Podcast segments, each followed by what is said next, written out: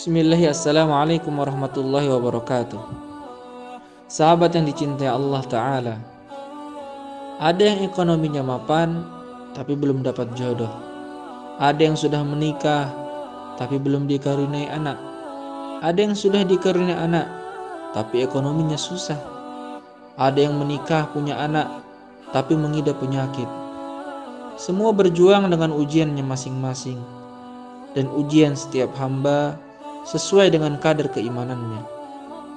Seringkali manusia melihat saudaranya lebih bahagia, hidupnya lebih enak. Ya, seperti kata pepatah, rumput tetangga lebih hijau.